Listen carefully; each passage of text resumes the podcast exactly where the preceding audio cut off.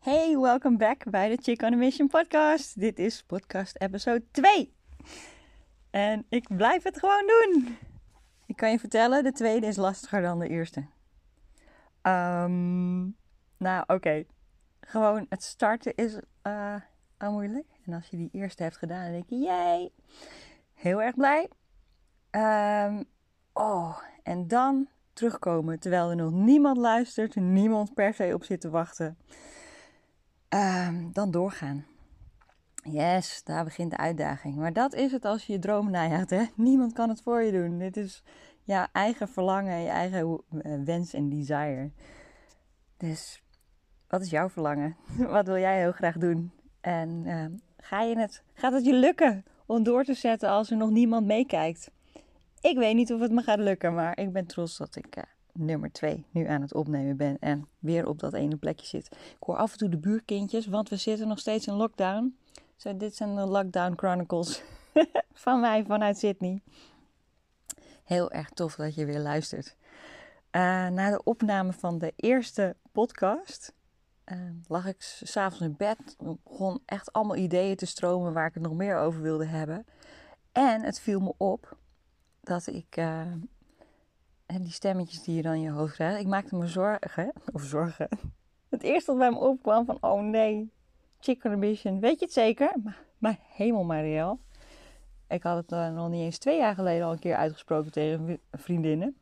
Vijf jaar geleden had ik volgens mij al een module uh, genaamd Chick on a Mission in een van mijn online programma's gemaakt. Just stick with it. En wat maakt het uit? Dan ga ik dat natuurlijk weer googelen. Stel je voor dat iemand anders die naam al heeft. This is what it's gonna be. En we nemen gewoon stap voor stap. Ja? Zo. Maar wat me opviel, dus toen ik daaraan dacht, ik moest eigenlijk een beetje lachen om mezelf. Want ik heb net iets heel erg kwetsbaars verteld. In de allereerste podcast. Iets heel groots en belangrijks. Hè? De reis van de heldin, de initiatie. En het enige waar ik aan kon denken was de naam van de podcast. Ik denk, wauw Marielle, dan heb je wel heel wat geheeld. Als je daar geen zorgen meer om maakt. Maar ik denk dat het wel een disclaimer verdient. Um, Zo'n verhaal, het hoort bij mij. Het is onderdeel van mijn leven. Maar voor sommigen kan dat misschien dan shocking zijn. Ik heb ook een keer iets gedeeld op uh, mijn Facebook uh, over mijn broertje. Die uh, in een hele heftige depressie zat. En iemand schreef daaronder dat je dit deelt en weet je broertje hier wel van. dat doe je niet zomaar toch. En ik weet inmiddels dat dat meer over diegene zegt dan over mij. Maar ik moest er wel even over nadenken. Nou, waarom zou je je was buiten hangen? Um,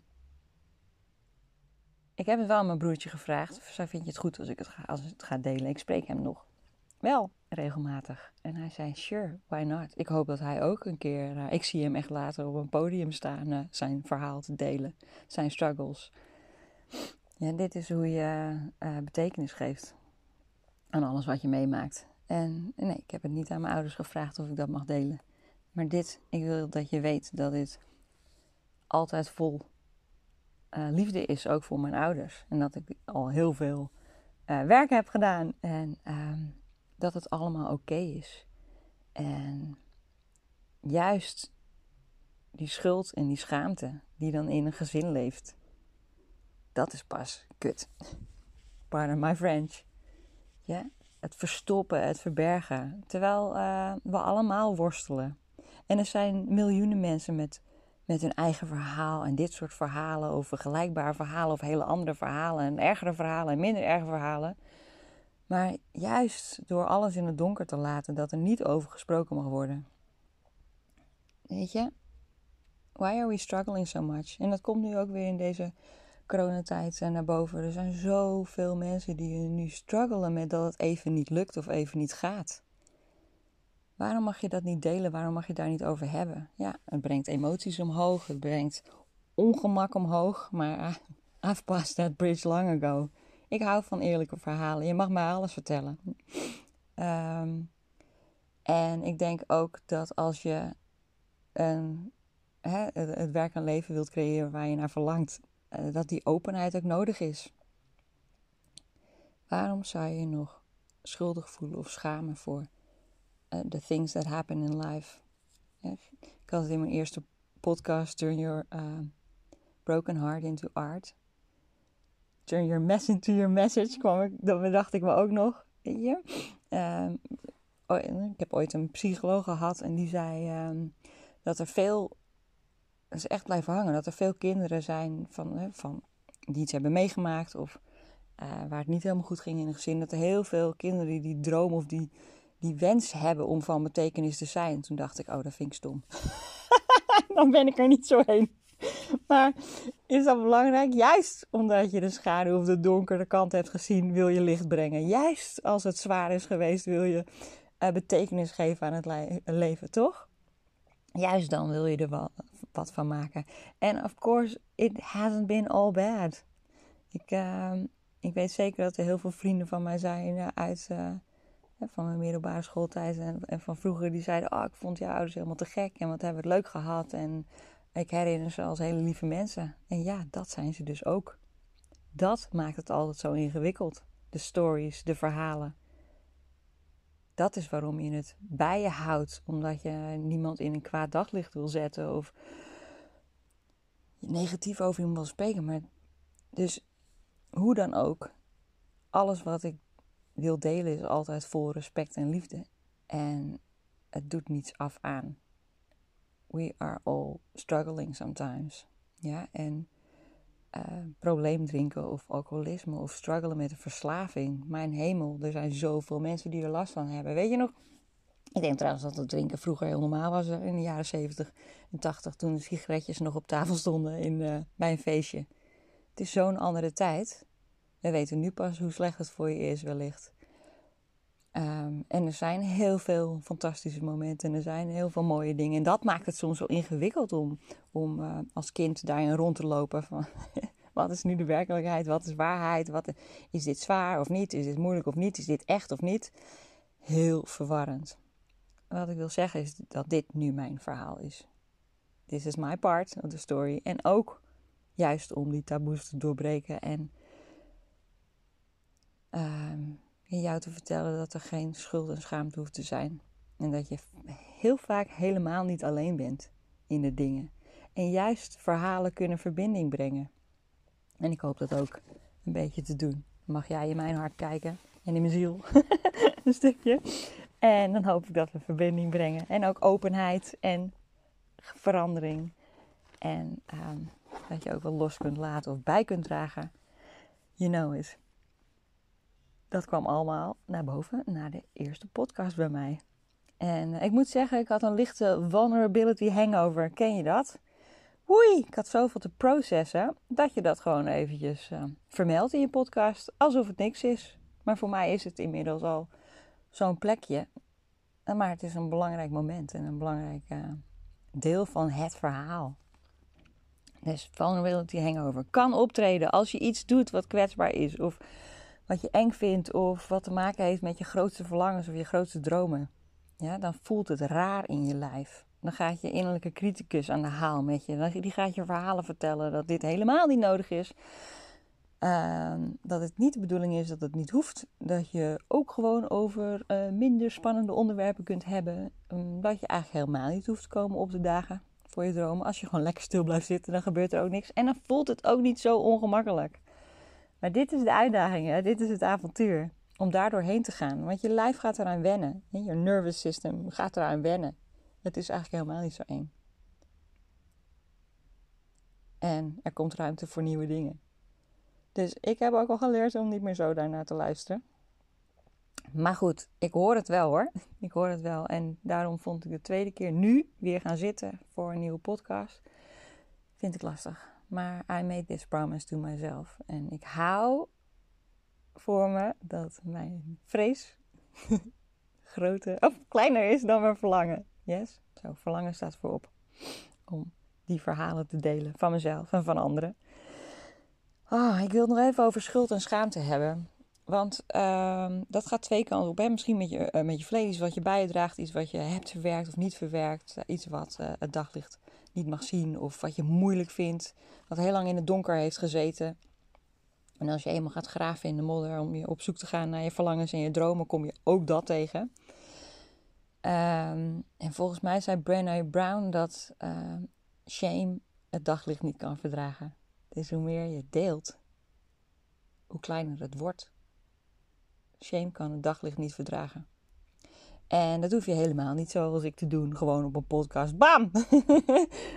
Nummer 1 zo binnen te komen. Dat kun je ook met vrienden delen of een, een professional ehm, of uh, met je geliefde. Je kunt het delen op, ja, op, op de manier die je wilt, maar je hoeft nooit iets alleen te dragen. En schuld en schaamte, wat het doet als je het bij je draagt, is dat je niet kan, bewe niet kan bewegen of wel beweegt, maar constant dat gevoel hebt. Of het nou een positief iets is waar je uh, naartoe werkt of ja, negatief iets, iets, iets wat je graag wil. En wat ik daarmee bedoel is als je je dromen gaat najagen, zoals ik al een aantal dromen nagejaagd, na dat uh, defining moment in mijn leven, waarbij ik uh, andere keuzes ging maken, ehm, daar voelde ik ook schuld en schaamte bij. Want opeens gingen er een heleboel dingen wel goed en gingen er wel lukken. En um, ten eerste voelde ik me schuldig naar mijn familie. Want ik deelde in de eerste podcast over mijn moeder en mijn broertje. Maar mijn vader struggelde met dezelfde dingen net zo hard. Met verslaving. Dat betekent dat ik dus uit een gezin kom van vier, waarbij er drie die struggle hadden. Um, en ik voelde me in plaats van het zwarte schaap een beetje het witte schaap. Heb ik wel eens grappend tegen mijn broertje gezegd. Ik was een beetje het witte schaap. Juist netjes. Again, vrienden van vroeger zullen wel te zeggen van... Mwah, Marielle, ik kom uit Noord-Holland zoals je misschien wel kunt horen. En ja, we hadden feestjes en uh, alcohol. En ik heb ook wel een blootje gerookt en uh, stiekem het huis uitgesniekt. Dus ik was niet heel erg braaf. Maar ik wilde het wel altijd goed doen en ik wilde wel altijd goed zijn. Dus uh, proberen het goed te doen op school, uh, mijn studie uh, goed doen, HBO, daarna uiteindelijk universiteit. Um, altijd voor mijn eigen boontjes doppen. Misschien komt het ook wel omdat ik het oudste kind ben, who knows. Maar er iets van willen maken. En ja, daar zit heus wel iets in van. Hè, dat je je ouders wil laten zien, zie mij nou. Ik probeer het zo hard. Can we all be happy? dus um, het witte schaap. Dat je dan dus echt heel erg je best gaat doen voor alles. Ja, a little bit of the good girl behavior. En dan, dan ga je dus zorgen dat je het keurig doet op school, het keurig doet in je werk. En daar komt uh, langzaam uh, het masker tevoorschijn. Everything is alright. Als je uiteindelijk gaat losbreken daarvan. Um, en besluit om niet meer zo te struggelen of, of je niet meer te identificeren aan, uh, met het verhaal, dan ga je dus losweken van, van je familiepatroon. Van, van iets, weet je, dan ben je daar geen deel meer van. Hoe moet je zeggen? Als je, als je, dit, uh, als je zoiets hebt meegemaakt of, of, of, of zoiets herkent, dan, dan denk ik wel dat je denkt: yes, yes, I know what you mean. Het is heel lastig om je identiteit te shiften. Dus daarom is het ook soms ingewikkeld om je dromen na te jagen. Want je gaat je losweken van uh, een patroon. Uh, je gaat je losweken van een belief system. Je gaat je uh, losweken van het filter, waardoor, dus de bril, hoe je naar de wereld kijkt. We hebben het altijd zo gedaan als familie. En we hebben allemaal hetzelfde geheim of iets waar je niet over deelt. Dit is van ons, dit hoort bij ons. Dus het voelt heel raar om daarvan los te breken. En dat. Ja, klinkt dat stom? Dat weet ik niet. Maar het is belangrijk om te delen, omdat je het misschien wel herkent. En denkt: hé, hey, wait a minute, this is what's happening. Dat houdt me tegen. Losbreken van het, van, het, van het gezin, van het familiepatroon. Niet dat ik per se uh, eh, geen contact meer wilde of wat dan ook, maar that, that's what happens. Maar ik had wel heel duidelijk de keuze, helemaal toen ik een kind kreeg, onze dochter dacht ik, ik wil dit niet meer zo. En ik ga heel erg voor mezelf kiezen. En ik moet eerst even mijn eigen pad vinden. En ik moet even kijken van hoe ik zelf wil zijn als moeder en wat ik mijn kind wil meegeven. Um, en daar voel je dan schuld en schaamte over. Dat je het anders wilt, net alsof je beter bent of zo dan de rest. Heeft echt al een tijdje gekost om dat los te laten. En nadat ik dus de keuze had gemaakt en na een burn-out die me terug ben gegaan in de corporate, dus shifte heel veel. Ik kreeg een fantastische partner. Ehm, dus terwijl, hè, als ik niet alleen naar mijn familie kijk, maar ook naar vrienden of vriendinnen. Ik kreeg, ehm, ik kreeg een partner. Ehm, terwijl er een vriendin in mijn omgeving echt verlangde naar de liefde en geen eh, partner kon vinden. we raakten vrij snel zwanger. Terwijl er een vriendin in mijn omgeving was die um, geen kinderen kon krijgen of met IVF bezig was. Je, dat soort dingen brengen allemaal, gek genoeg, schuld en schaamte. Alsof je uh, ja, boven de dingen uitsteeg zoals ze waren of zoals ze hoorden of zoals het zou moeten zijn. En daarna gingen we toen onze dochter vier was, verhuizen naar Australië. Wat voor veel mensen een droom is. En wederom, een vriendin van mij, elke keer andere mensen, maar ehm, die wilde dat ook heel graag en die verlangde daar ook heel erg naar. Ik, echt, ik durfde het eerste jaar dat we in Sydney woonden bijna niks te posten over ehm, nieuwe vrienden die ik had gemaakt of mooie dingen die ik meemaakte. ik voelde me er gewoon schuldig over, alsof je het te goed hebt. I know, it sounds so bizar. En nu ik het zeg, denk ik, oh gosh, ga ik dit delen? Ga ik dit delen in de podcast? Ja, ik ga dit delen in de podcast. Because I need you to know. En ehm, wie weet heb jij ook iets waar je nu over kan uh, na kunt denken van... hou ik me per ongeluk ergens klein? Weet je, zijn mijn dromen te groot? En wat betekent het als ik verander? Dit is waarom heel veel mensen niet veranderen. Omdat je je ergens gaat, van gaat los weken een bestaande belief system, een bestaand patroon, bestaande verhoudingen, een bestaande manier waarop je naar de wereld kijkt. Ehm, en dat kan ook dat gevoel van verlies met zich meedragen. Hè? Dat je mensen gaat kwijtraken. Dat je relaties gaat kwijtraken. En voor mij was dat echt een heel groot ding. Want ja, ik was mijn eigen familie al een tijd kwijtgeraakt. Ik wilde niet nog meer verliezen. Ik wilde niet nog meer mijn vrienden verliezen. En als ik het heb over een business bouwen, gebeurde dat ook. Ehm, een hele belangrijke vriendin van mij, die, ehm, waarmee het niet werkte om samen te werken. Waardoor ik haar kwijtraakte. Mijn hemel, dan stop je, dan it stops you in your tracks. Dan denk je echt even van, ik ga echt niet, ik ga het niet doen. Ik ga niet nog grote dromen. Ik ga niet voor uh, een grote business bouwen, want er komt alleen maar verlies van. Ik denk dat uh, veel mensen daardoor echt super stak zitten. Aan de ene kant wensen om los te breken of grote dromen, iets neer te zetten.